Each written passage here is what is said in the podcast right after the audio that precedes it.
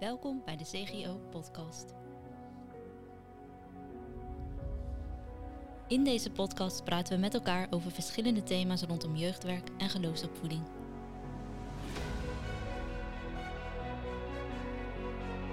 Met elke keer een nieuwe gast, leuke anekdotes en leerzame ideeën. Zo hopen we jou te bemoedigen en te inspireren. Leuk dat je luistert.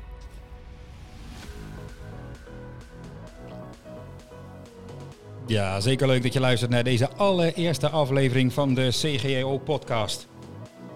En we vinden het super tof om op deze manier ook jullie te helpen en te inspireren met je jeugdwerk. En vandaag gaan we dat doen met een heel mooi onderwerp. Namelijk de jeugdtrends van 2021. En dan hoor ik mezelf zeggen, mooi onderwerp. Ik denk, nou, misschien valt het ook nog wel een beetje tegen. Maar ik heb twee mensen in de studio die daar een licht over gaan laten schijnen. Uh, Gerrianne Smit, jeugdwerkadviseur bij de CGO. Klopt. Hartstikke mooi. Fijn dat je er bent. En onze gast van vandaag is Paul Smit. Hij werkt als jeugdadviseur bij het inmiddels gefuseerde centrum van de Nederlandse gereformeerde en de, de vrijgemaakte gereformeerde kerk. Als jeugdadviseur. En daarnaast ben je ook nog jeugdwerker in de PKN in Lijnmuiden, als ik niet vergis. Klopt. Het, uh, de nieuwe naam is het Toeristingscentrum Gereformeerde Kerken, maar dat, daar gaan we nog een betere voor zoeken. Maar dat gaat hem worden. Dat gaat hem worden, oké. hartstikke tof. Fijn dat jullie er zijn. Dank Zo. Uh, Paul, om met jou te beginnen. We zijn natuurlijk hier echte jeugdwerkers. We zijn een uh, jeugdwerkadviesbureau en jij werkt daar ook bij. En heel veel jeugdwerkavonden beginnen natuurlijk met een soort van ijsbreker of uh, ja, startactiviteit of iets dergelijks. Nou, wij dachten dat willen we in onze podcast ook. Okay. Dus hebben wij bedacht deze rubriek. Or not. Nou. En toen had ik nog een beetje ruzie met de schuifjes. Ja, maar dat geeft allemaal niks. het is de eerste keer, dus het is allemaal een beetje wennen. We hebben het gewoon believe it or not. Jij hebt een verhaal voor ons bij je. Ja. En de vraag aan ons beiden en aan de luisteraar is: is dit verhaal nou waar of is het gewoon een broodje aap? Oké. Okay. Welk nee, verhaal heb je bij je? Je zei net al van uh, een goede bijeenkomst begint eigenlijk altijd met een, met een ijsbreker om even iedereen erin te laten komen. En niet, nog niet zo lang geleden was tijdens uh, een Zoom-meeting waren er opdrachten waarbij ze met wc-rollen onder een bezemsteel door moesten kruipen die ze op twee tafels hadden gelegd. Nu was er een familie bij die een huisje hadden gehuurd en daar zaten ze met z'n allen in en die hadden geen bezemsteel. Dus bij gebrek aan bezemsteel hebben de ouders een van de kinderen opgetild waar dan de anderen onderdoor moesten. En daarna werd hij op de grond gezet en werd een andere kind opgetild waar ze onderdoor moesten kruipen. En dat ging zo met de hele familie door. Oké, nou dat had ik wel willen zien. En ik hoop dat het natuurlijk waar is, maar dat horen we aan het eind van deze podcast. Dus we kunnen nog even een half uurtje over nadenken. Van zijn er ouders die hun kinderen als bezemsteel gebruiken of is dit gewoon verzonnen door Paul? Goed, Paul, de jeugdtrends, om gelijk maar even bij jou door te gaan van ja. 2021. We mogen jou wel een beetje de ja, de geestelijk vader noemen van de jeugdtrends, hè, of niet? Nee, niet echt. Nee? Uh, in een heel grijs verleden van het NGJ was André Maliepaard de karttrekker van het NGJ. En die is begonnen toen met de eerste jeugdtrends, 2013 denk ik. En uh, daarna is dat doorgegroeid en is het een ontwikkeling geworden om dat niet alleen als NGK jeugdwerk te brengen, maar in de samenwerking met alle jeugdwerkorganisaties om gewoon zo'n breed mogelijk beeld neer te zetten van dit is wat er gaande is onder jongeren volgens onze ervaring die we hebben met ze. En dat is ook het doel? Ja, er gebeurt natuurlijk in een, uh, in een leven heel veel, maar die overgang van een pak een beet een jaartje of 14 tot en met een jaar of 18. Uh, ik vat dat altijd samen met 36 maanden. In die 36 maanden van de overgang van je gaat met je ouders mee op vakantie naar ik wil met mijn vrienden op vakantie, die overgang bepaalt zo'n groot gedeelte van je identiteit. En als volwassene stellen die 36 maanden misschien niet altijd even zwaar, want je hebt die ervaring allemaal al. Maar voor die 36 maanden, voor die tieners, is het heel belangrijk van wat er gebeurt dan in de wereld terwijl ze bezig zijn om ja, zichzelf te ontdekken. Dus los te komen voor papa en mama. En uh, over te stappen naar uh, ja, hun eigen sociale netwerk. Ja. En die impact, daar hebben we het over met de jeugdtrends. Ja. Oké, okay, Gerianne, jij hebt er ook aan meegewerkt. Klopt, ja. Uh, wat is nou iets waarvan jij dacht, dat raakt me echt? Nou, het afgelopen jaar was natuurlijk het coronajaar, om het zo maar te noemen. Dus wat je heel veel zag in het nieuws was de eenzaamheid en de depressiviteit die zo groeide onder jongeren.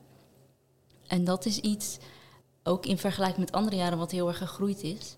Maar wat natuurlijk een hele nare ontwikkeling is. Dus dat is een ontwikkeling die mij het meest raakt. En ook wat me het meest bezighoudt, hoe we daarmee om kunnen gaan. Ja.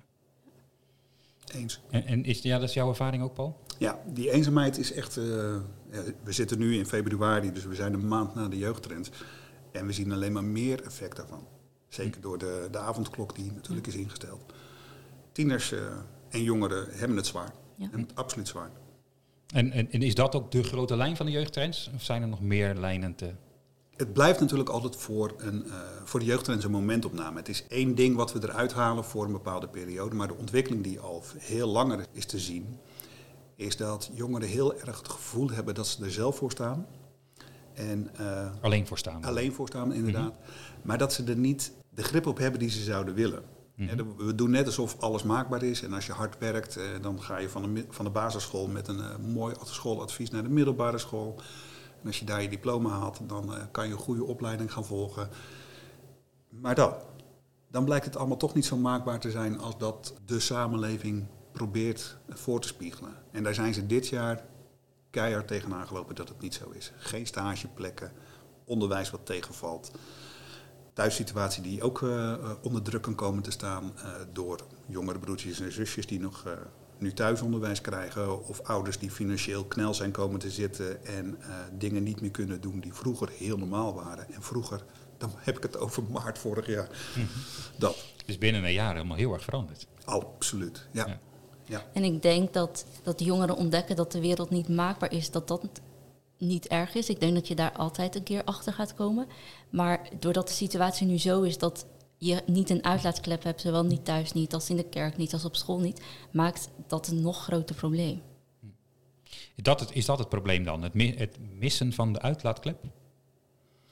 Sociale contacten zijn natuurlijk altijd Ja. een uitla- uitlaatklep. Eh, naar een café gaan is een uitlaatklep. Naar een concert gaan is een uitlaatklep. Naar de jeugdgroep gaan en daar je vrienden ontmoeten is een uitlaatklep. En juist al die uitlaatkleppen staan nu dicht. Hm. Dus het borrelt en, nou ja, soms eh, komt het op een eh, negatieve manier naar buiten. En dan eh, praten we over rellende jongeren. Maar bij dat overgrote deel van de jongeren die ik ken, slaat het naar binnen toe en voelen ze zich eenzaam en afgesloten. En hebben ze ook geen idee meer waar ze het moeten zoeken. Dus het is een soort onzichtbaar probleem. Omdat ze zich naar binnen keren. Het zou een onzichtbaar probleem kunnen zijn als je, ja, als je geen contact met ze hebt. Maar als je contact met ze hebt, dan hoor je niks anders dan van... Goh, ik mis het zo en ik mis dit en ik mis dat. Ze hebben het echt heel veel over wat ze missen. En ze zijn dolblij als er iemand is die even naar ze luistert... al is het maar vijf minuten over de telefoon. Dat is, eh, het zijn van die kleine dingetjes. En dat is natuurlijk gelijk, wel een- misschien een kans voor deze tijd. Het is absoluut een kans. Ik eh, merk in het jeugdwerk, dus niet in het advieswerk, maar het jeugdwerk wat ik zelf doe, is dat het enorm gewaardeerd wordt dat ik vanaf de lockdown of vanaf, de eerste, vanaf begin vorig jaar gezegd heb van joh, we ontmoeten elkaar elke vrijdagavond op Zoom en toen het weer even kon ook weer live. Dat ze even een moment hebben om eh, met elkaar ja, uit te wisselen, maar ook met mij uit te wisselen, eh, zorgen te delen. eh, ook natuurlijk de leuke dingen die ze meegemaakt hebben. Maar er is gewoon een moment om even bij elkaar te komen. En wat voor zorgen hebben jongeren? Dat is zo breed. Ja? Welke hoor jij veel? Het meest hoor ik ja, toch wel het isolement. Eh, er zijn verschillende gezinnen waar ik contact mee heb, waar de, eh, een van de twee ouders eh, ZZP'er is. Dus dan is gewoon een gedeelte van het inkomen valt weg. Dus er is in het gezin zorg over nou hoe ze het allemaal gaan redden. En die zorg die kan de deuren niet uit, want ZZP'ers komen dan op een gegeven moment ook niet zoveel meer buiten de deur. Dus die kinderen die voelen de zorg van de ouders, plus hun eigen zorg. En met wie kunnen ze dat delen?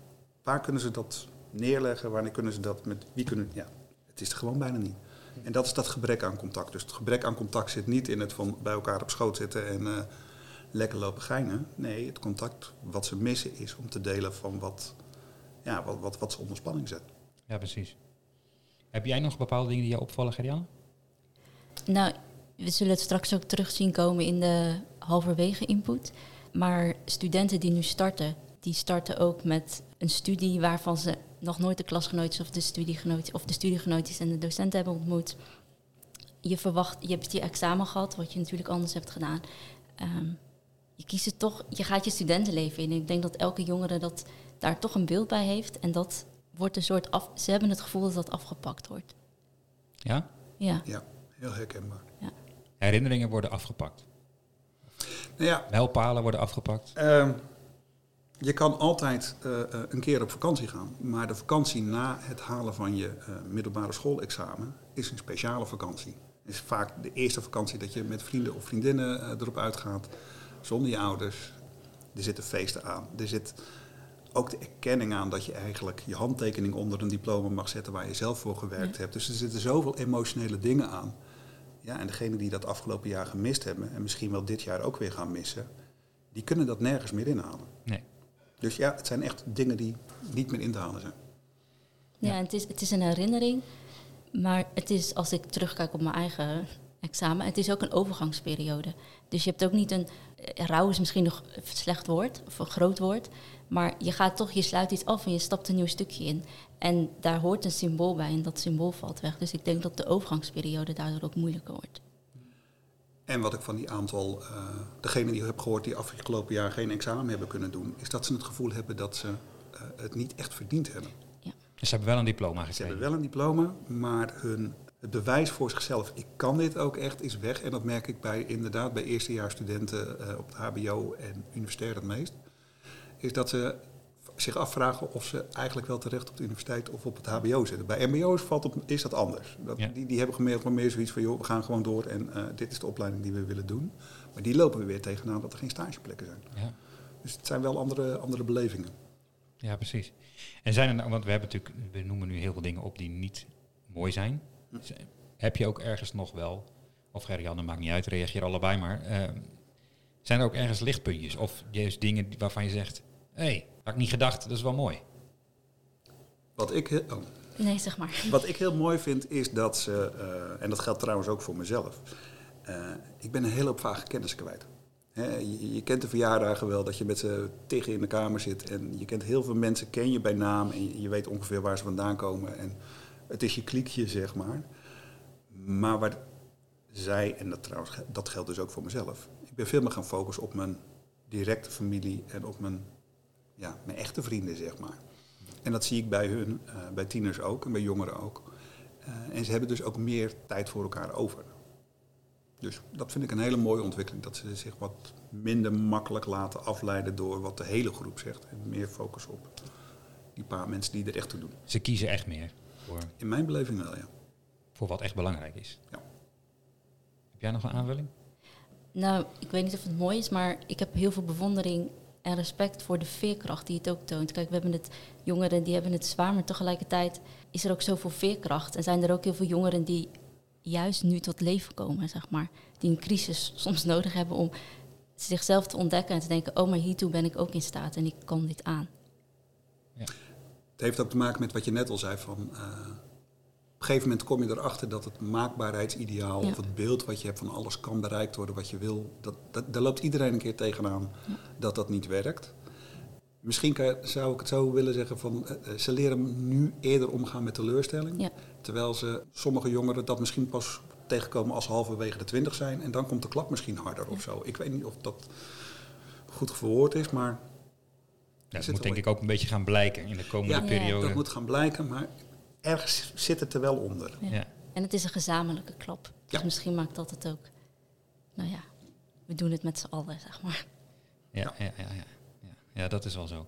En, eh, ehm, zometeen gaan we nog even door, ook over wat kun je hier nou aan doen. En ook als je zit te luisteren en je bent ouder of je bent jeugdleider, eh, wat kun je dan eh, in deze tijd voor jongeren betekenen? Maar Gerianne noemde net al even de halverwege input. Dat is een rubriekje die we hebben bedacht, halverwege de podcast, waarin we ook eigenlijk iemand van onze doelgroep aan het woord willen laten. Dus een jongere of een kind soms, die iets over het onderwerp gaat zeggen. Dus ehm, ja, De halverwege input. dit afgelopen coronajaar heb ik best wel wisselvallig ervaren.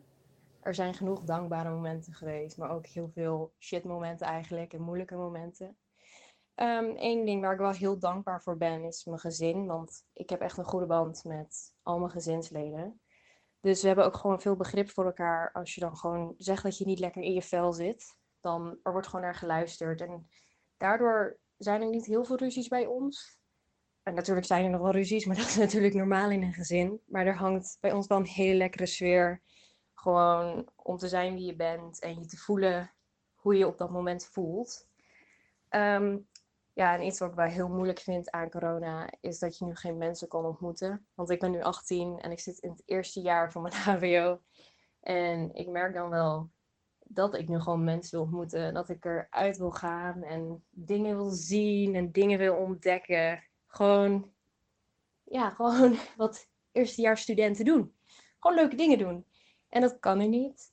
Ehm, dat merk ik bijvoorbeeld ook ja, eigenlijk aan mijn klas. Ik heb mijn halve klas nog nooit gezien. Gewoon niet via een Teams meeting, niet in het echt.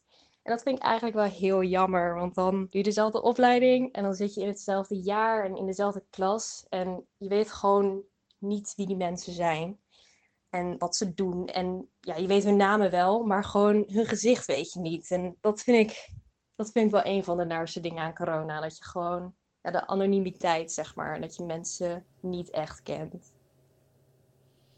De anonimiteit dat je mensen niet echt kent. Ik zie jou heel erg knikken, Paul. Ja, ja dat herken ik heel erg. En ehm, ik denk dat het ook een van de dingen is waar we ook in het jeugdwerk vanuit de kerk heel veel aan kunnen, uh, aan kunnen doen. Ehm, kijk, we kunnen niet elkaar nu gaan opzoeken uh, en zeggen van we trekken ons niks van de regels aan. Dat, zo werkt het niet. Maar we kunnen wel contacten die er zijn, relaties die er zijn, gewoon in stand proberen te houden.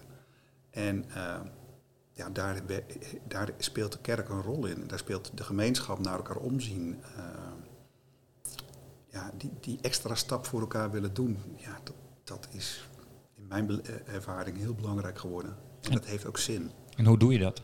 Kun je zo'n concrete wat ideeën... Uh... nou, ik, ik haal het net ook aan. Ehm, ik zit gewoon elke vrijdagavond zit ik achter Zoom. En uh, dat doe ik in drie blokken. En in elk blok is er een bepaalde leeftijdsgroep of vriendengroep die uh, bij elkaar komt. En uh, we doen een spel met elkaar. En dat spel maakt niet uit. Afgelopen vrijdag heb ik zitten pumpampetten. Maakt niet uit. Maar ik doe iets. Want het gesprek van... Nou, zoals wij hier eigenlijk bij elkaar zitten, dat, we kunnen elkaar nog aankijken. Maar als we dit via Zoom doen, dan wordt het al een stuk minder spontaan. Dat geldt natuurlijk ook voor tieners. Dus ze hebben iets nodig om het gesprek op gang te brengen. Nou, het kan een simpel spel zijn. En dan komen de verhalen en dan komen de vragen. En dan, ja, dan ben je toch weer die kleine gemeenschap. Ook al is het maar met een groepje van acht of zes. Dat maakt dan niet uit. Dat hoor ik ook wel veel mensen zeggen. Ja, nou weet je, dat geestelijke gedeelte, om het maar even zo te noemen. Nou, dat laat ik maar zitten hoor, via Zoom. Want dat wil eigenlijk haast niet. Uh, ik doe maar gewoon iets leuks, want dan, uh, ja, dan heb ik ze in ieder geval. Dan zie ik ze in ieder geval.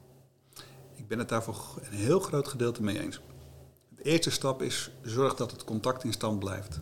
En als het contact, contact, als het contact in stand blijft, dan krijg je ook gelegenheid om uh, te reageren op wat ze zeggen. Want in het gesprek ga je toch met elkaar delen wat er gebeurd is in de week. En uh, ja, dan heb je, heb je toch nog een paar minuten dat je wel die, die diepte in kan. Dat je wel het geestelijke deel kan bereiken. Of gewoon wat ze net meegemaakt hebben, proberen te. Uh,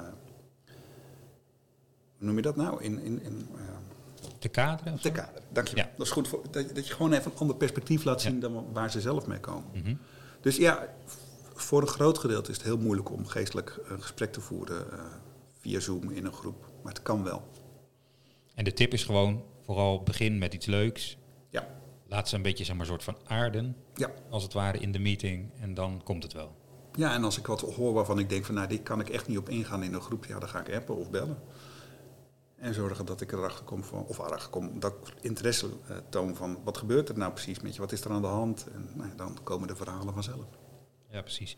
En Gerianne, in de jeugdtrends wordt ook iets gezegd over het Gommers-effect. Ja, dat wat is, klopt. Wat is dat? Um, nou, iedereen zal Diederik Gommers kennen.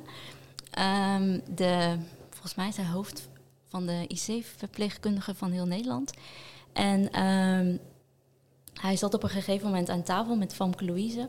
En Famke Louise die was um, uh, meegegaan in de hashtag Ik doe niet meer mee. Uh, wat inhield dat ze niet meer mee wilde doen met de maatregelen die nodig waren voor corona. En zij kreeg toen heel veel shit over zich heen. Heel veel, uh, dit kan je niet maken. En nou ja, hoe kun je zo dom zijn? En het mooie was dat juist Diederik Gommers, de man die staat voor de maatregelen en die ziet vanuit het ziekenhuis hoe groot uh, de problemen zijn rondom corona. Dat hij juist de verbinding zocht en aan haar vroeg van... maar waar ben je dan bang voor? En hoe is het voor jongeren en hoe beleven jullie het?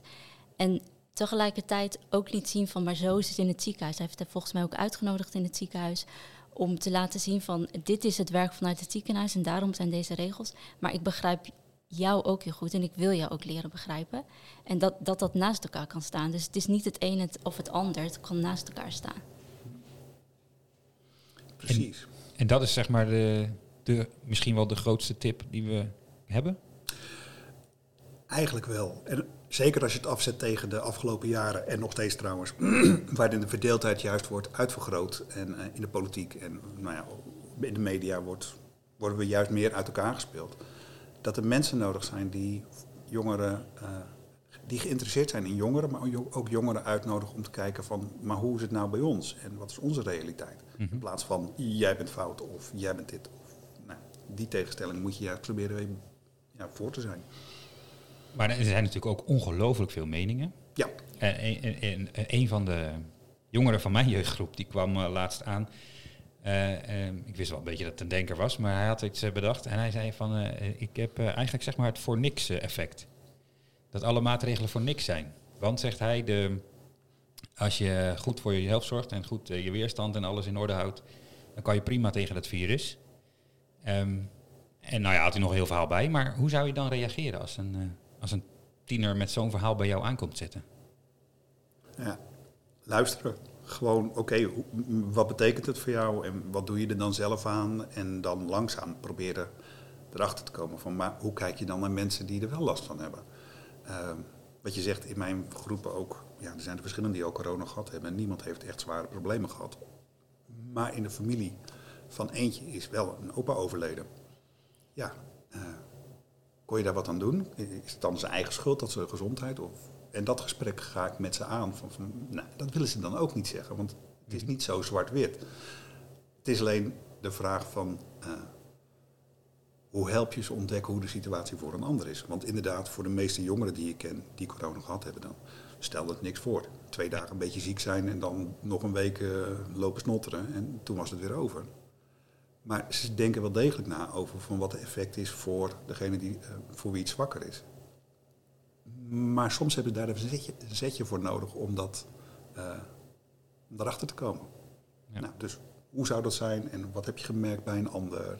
Nou, met hun verhaal meegaan. Ja, dus het is inderdaad, dus het is eigenlijk zeg je um, over en weer begrip krijgen voor elkaar. Ja. Maar dat is toch eigenlijk geen nieuw verhaal? Dat is helemaal geen nieuw verhaal. En dat is nou juist het bijzondere uh, van jeugdwerk, vind ik. Maar het bijzondere van jeugdwerk is, elke generatie, elke groep waar ik zei van die 36 op, maanden van dat je van kind naar volwassene opgroeit, daarin moet je iemand hebben die je daarin meeneemt. Want het verhaal is inderdaad niet nieuw. Nee. Het is al 2000 jaar oud en als je het nog verder bekijkt, dan is het 3500 jaar oud. Dit, dit is wat God van ons verwacht, dat we met elkaar optrekken. En ja, dat moet je gewoon doen. In respect voor elkaar. Ja. ja. Eén eh, groep hebben we nog niet helemaal gehad. Uh, de gezinnen. Want daar gebeurt natuurlijk ook wel het een en ander. Ook daar uh, hebben we wat over in de jeugdtrend staan. Um, hè, uh, er zijn natuurlijk gezinnen waar volop thuisgewerkt wordt, maar er zijn ook gezinnen waar dat niet kan. Mm -hmm. um, de, waar continu oppas geregeld moet worden, uh, maar ook opa's en oma's die wat voorzichtiger zijn en niet zomaar meer komen om alle oppasbeurten op te vangen. Uh, wat kunnen we daarmee richting jongeren? Uh, grote vraag. Allereerst, als ik terug terugdenk aan de halverwege input en Anne ook zegt van thuis is het veilig, ik denk dat dat um, een grote zegen is als het thuis veilig is. Dus dat je alert moet zijn op jongeren waarvan je denkt, is het daar thuis inderdaad veilig? En dan is, uh, dat klinkt misschien heel groot, maar dat kan inderdaad ook zijn, is er ruimte om die frustratie te delen? Is er ruimte om... Um, uh, hebben ze een uitlaatklep, zeg maar? Of kan ik een keertje met zo'n rondje wandelen? Want dat kan nog wel. Dus um, ik denk alert zijn en ze proberen uit de situatie te halen waar mogelijk als het uh, niet kan. Of als het wel kan, maar als, uh, als de situatie gewoon spannender is. Um, en ze gewoon even één op één aandacht geven. Dat zou ik uh, adviseren. Een rondje wandelen. Een rondje ja. wandelen. Um, maar ook bij gezinnen waar de kinderen wat jonger zijn, die dus nu al, wat is het, vanaf half december thuis zitten. Ja bied aan om een van de kinderen een dag in huis te nemen dat het thuisonderwijs dus bij jou in huis gebeurt. Zodat ze even bij hun ouders weg zijn, dat, dat ze even ru- of tenminste rust hebben. Eh, ik ken verschillende ouders die s'nachts werken. Die zijn overdag bezig met eh, het, thuisonderwijs. En als de kinderen naar bed gaan, gaan zij in hun achtuurige werkdag proberen te doen. Wauw. Ja, en dan zitten ze dus tot vier uur s'nachts te werken. Nou, dat werkt gewoon niet. Nee, dat hou je niet lang vol. Nee, dat hou je niet lang vol. En gelukkig ziet het ernaar uit dat we volgende week de basisscholen weer open gaan. Eh, maar als je weet van ouders die op die manier hun werk moeten doen, of ouders die wel gewoon elke dag terug moeten naar hun werkplek, omdat ze gewoon eh, nou ja, fysiek werk moeten doen op locatie, bied het aan. Het is een kleine moeite als je zelf eh, de ruimte hebt en de tijd hebt om het te doen. En je hebt met één dagje even in te springen, haal je misschien net even de prikkel eraf om het, Ja. om het op te laten lopen. Ja. En ja, daar heb je natuurlijk als netwerk van de kerk verschrikkelijk mooi iets. We zijn natuurlijk niet voor niks eh, één gemeenschap. En laten we dat alsjeblieft ook hiervoor inzetten. En ik denk juist de kerk, omdat daar hoop ik al relaties zijn. En nieuwe, voor nieuwe relaties is nu gewoon minder ruimte. Omdat je men- minder nieuwe mensen ontmoet. Dus juist die relaties die er zijn verdiepen en zorg dragen voor elkaar inderdaad. Ja, eens. Dus eigenlijk komen we gewoon door deze crisis weer uit bij heel gewone... Ja, wat is gewoon? We zijn het dus een beetje kwijtgeraakt, maar bij heel menselijke waarden. Ja. Als respect, als eh, op elkaar letten, ehm, elkaar een beetje helpen daar waar het kan. Ja, Eigenlijk gewoon de samenvatting van de tien geboden. Eigenlijk gewoon de samenvatting van het hier gewonen. ja.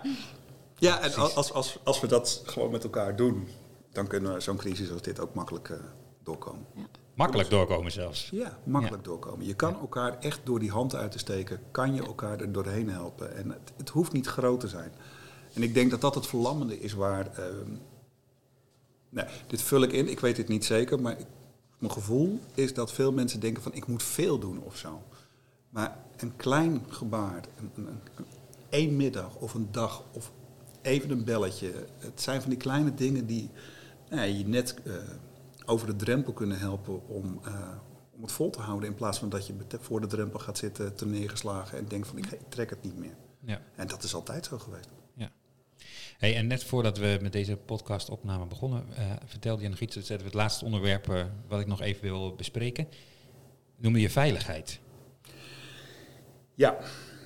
Ehm, en iets met messen. Ja, ehm, afgelopen jaar zijn er natuurlijk heel veel eh, berichten in de kranten, in de media geweest van steekpartijen door jonge mensen. En ehm, de onveiligheid die er al was, is eigenlijk alleen nu maar toegenomen. Eh, de angst voor eh, rellen, de angst voor ehm, alleen te komen te staan, is aan toenemen. En wat ik merk is dat jongeren waarvan je echt niet verwacht dat ze het doen, een mes bij zich gaan dragen. Omdat het een gevoel geeft van dan heb ik nog een beetje grip op mijn eigen veiligheid. En natuurlijk, je hebt altijd een groep gehad die altijd messen bij zich had. Eh, laten we daar Ja. ook gewoon eerlijk over zijn. Ja. Het is ook in sommige eh, groepen is het stoer als je een mes bij je hebt. Maar ik heb het niet over die jongeren. Ik heb het juist over de jongeren die ja, helemaal niks met, eh, met dat, dat stoere hebben, maar echt gewoon bang zijn. En dat mes geeft een gevoel van controle. Het nadeel is, als je een mes bij je hebt en je pakt hem, in een geval van dat je je belaagd voelt of niet prettig voelt, onveilig of hoe je het ook wil noemen, is dat het agressie oproept. Ja. Nou, en dat zie je in de toename van de steekpartijen. En dat is ook strafbaar. Het is hartstikke strafbaar. En wat kun je hier dan aan doen als kerk of als jeugdwerker? Als je stel dat je dat merkt, dat je een tiener in je groep hebt die een mes bij zich heeft. Ik voel bijna het gevoel, ik heb bijna het gevoel alsof ik mezelf herhaal, maar als je weet van jongeren dat ze zich onveilig voelen, vraag wat is er aan de hand? Waardoor voel je je onveilig? Eh, komt het van thuis? Is er wat op school gebeurd? Is er wat, nou, maakt niet uit in welke situatie wat gebeurd is. En vraag ernaar. Wat, waarom, waarom geeft dat mes jou het gevoel van veiligheid? Eh, wat mis je? Nou, en dan komt er van alles naar boven. En daar kan je verder over praten. En, ehm, Maar niet afwijzen. nee, wel? maar nee, natuurlijk niet. Kun je tegen een tiener zeggen van, eh, eh, ik wil, of, ja, je moet dat mes niet meer bij je dragen? Ik hoop altijd dat ze zelf die conclusie trekken. Dat ze zelf denken van, oh ja, misschien maak ik het wel erger in mijn hoofd dan dat het is. En is de veiligheid die ik denk te zoeken eh, wel veel makkelijker. Misschien is het wel gewoon minder onveilig dan dat ik mezelf wijs maak. En ik heb dat mes niet nodig. Maar dat moet hun conclusie zijn. Ja. Ik, kan, ik kan ze zoveel vertellen van, joh, het is niet goed om te roken, niet te goed om te drinken. En als je auto rijdt, moet je er hierop letten en als je op scooter rijdt. En dan kijken ze me aan en dan, eh, ja, Ja, tuurlijk. tuurlijk. En vijf minuten later draaien ze zich om en eh, hebben ze geen idee meer wat ik gezegd heb. Maar als ik heb, ze heb gevraagd van, waarom zou je dat kunnen doen of waarom zou je dat willen doen? En ze hebben er zelf over nagedacht, dan is het hun beslissing. En dat geldt natuurlijk ook voor mezelf. Ik ben 52 en ik wil niet dat een ander voor mij beslist wat ik moet doen. Maar als iemand mij op weg helpt van, joh, nou, dit zijn voordelen, dit zijn nadelen, heb je hier aan gedacht? Eh, of gewoon onderling uitzitten te wisselen van lekkere, eh, ja, gewoon even kletsen. Dan kom ik op gedachten die voor mij belangrijk zijn. En daar ga ik wat mee doen. Dat is voor, je- voor tieners natuurlijk niet anders. Ja. Dus ook hier weer het relationele aspect, wat eh, de boventoon gaat voeren.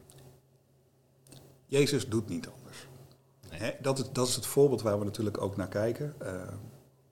Hij zoekt steeds contact op. Hij vraagt naar zijn geest, waarom zit je niet boom? Eh, hij heeft het over die vrouw die water komt putten. Eh, hij, hij confronteert Nicodemus van waarom kom je s'nachts? Maar hij gaat steeds in op de ontmoeting. Hm. En dan pas, als de ontmoeting er is, en, en er is zeg maar een gelijk eh, veld, dan begint hij over de inhoud.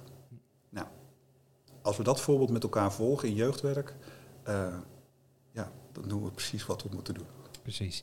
Nou, we kunnen hier nog heel lang over doorpraten, maar we vliegen alweer eh, aardig door de tijd heen. Heb jij, Paul, om af te sluiten nog een... eh, De gouden tip. Ja, de gouden tip is, kijk naar hoe Jezus de ontmoetingen doet. Maak gewoon contact met degene die voor je staat en vraag naar, hé, hey, waarom doe je dit? Of waarom zit je hier? Of, maak gewoon een praatje. En dan kan er misschien een gesprek op gang komen waar je iets van je eigen geloofsovertuiging en het volgen van Jezus in kan laten zien. Precies. Heel mooi. Eh, Paul, heel fijn dat je hier wilde zijn. Dankjewel. Gerianne ook, dankjewel. Eh we zijn er bijna aan het eind, maar natuurlijk willen we eerst nog wel even weten, You Paul. believe it or not. Was dat verhaal van jou nou echt gebeurd of eh, is het een heerlijk broodje? Het is, het is, het is half waar. Oh. De ouders hebben de kinderen wel opgetild als limbo-stok, maar de kinderen hebben de ouders niet opgetild. Ah, Oké, dat zou misschien ook wel een beetje heel heftig zijn geweest. Maar vooruit. Goed, heel fijn dat we dat ook eh, weten. Heel- Paul, dankjewel nogmaals. Eh, fijn dat je Graag hier gedaan. was. En ehm Gerianne, bedankt. Graag. Als je nog meer wil weten over ehm, de jeugdtrends, ze staan eh, op onze site en ook op de site van, eh, van jullie. Is er een nieuwe URL inmiddels al of nog niet, eh, Paul? Nog steeds gewoon jeugdwerksteunpunt. Jeugdwerksteun.nl, daar kun je hem gewoon zien. Dan kun je hem lezen. Er staan allerlei tips bij, allerlei ideeën wat je kunt doen met eh, je jongeren ook in deze tijd. En op onze eigen site cgjo.nl kun je ook nog een heleboel vinden. Bijbelstudiemateriaal, leuke ideeën, believeit.nl. En ehm, nou ja, heel fijn dat je luisterde. Heel fijn dat jullie er waren. Tot de volgende keer.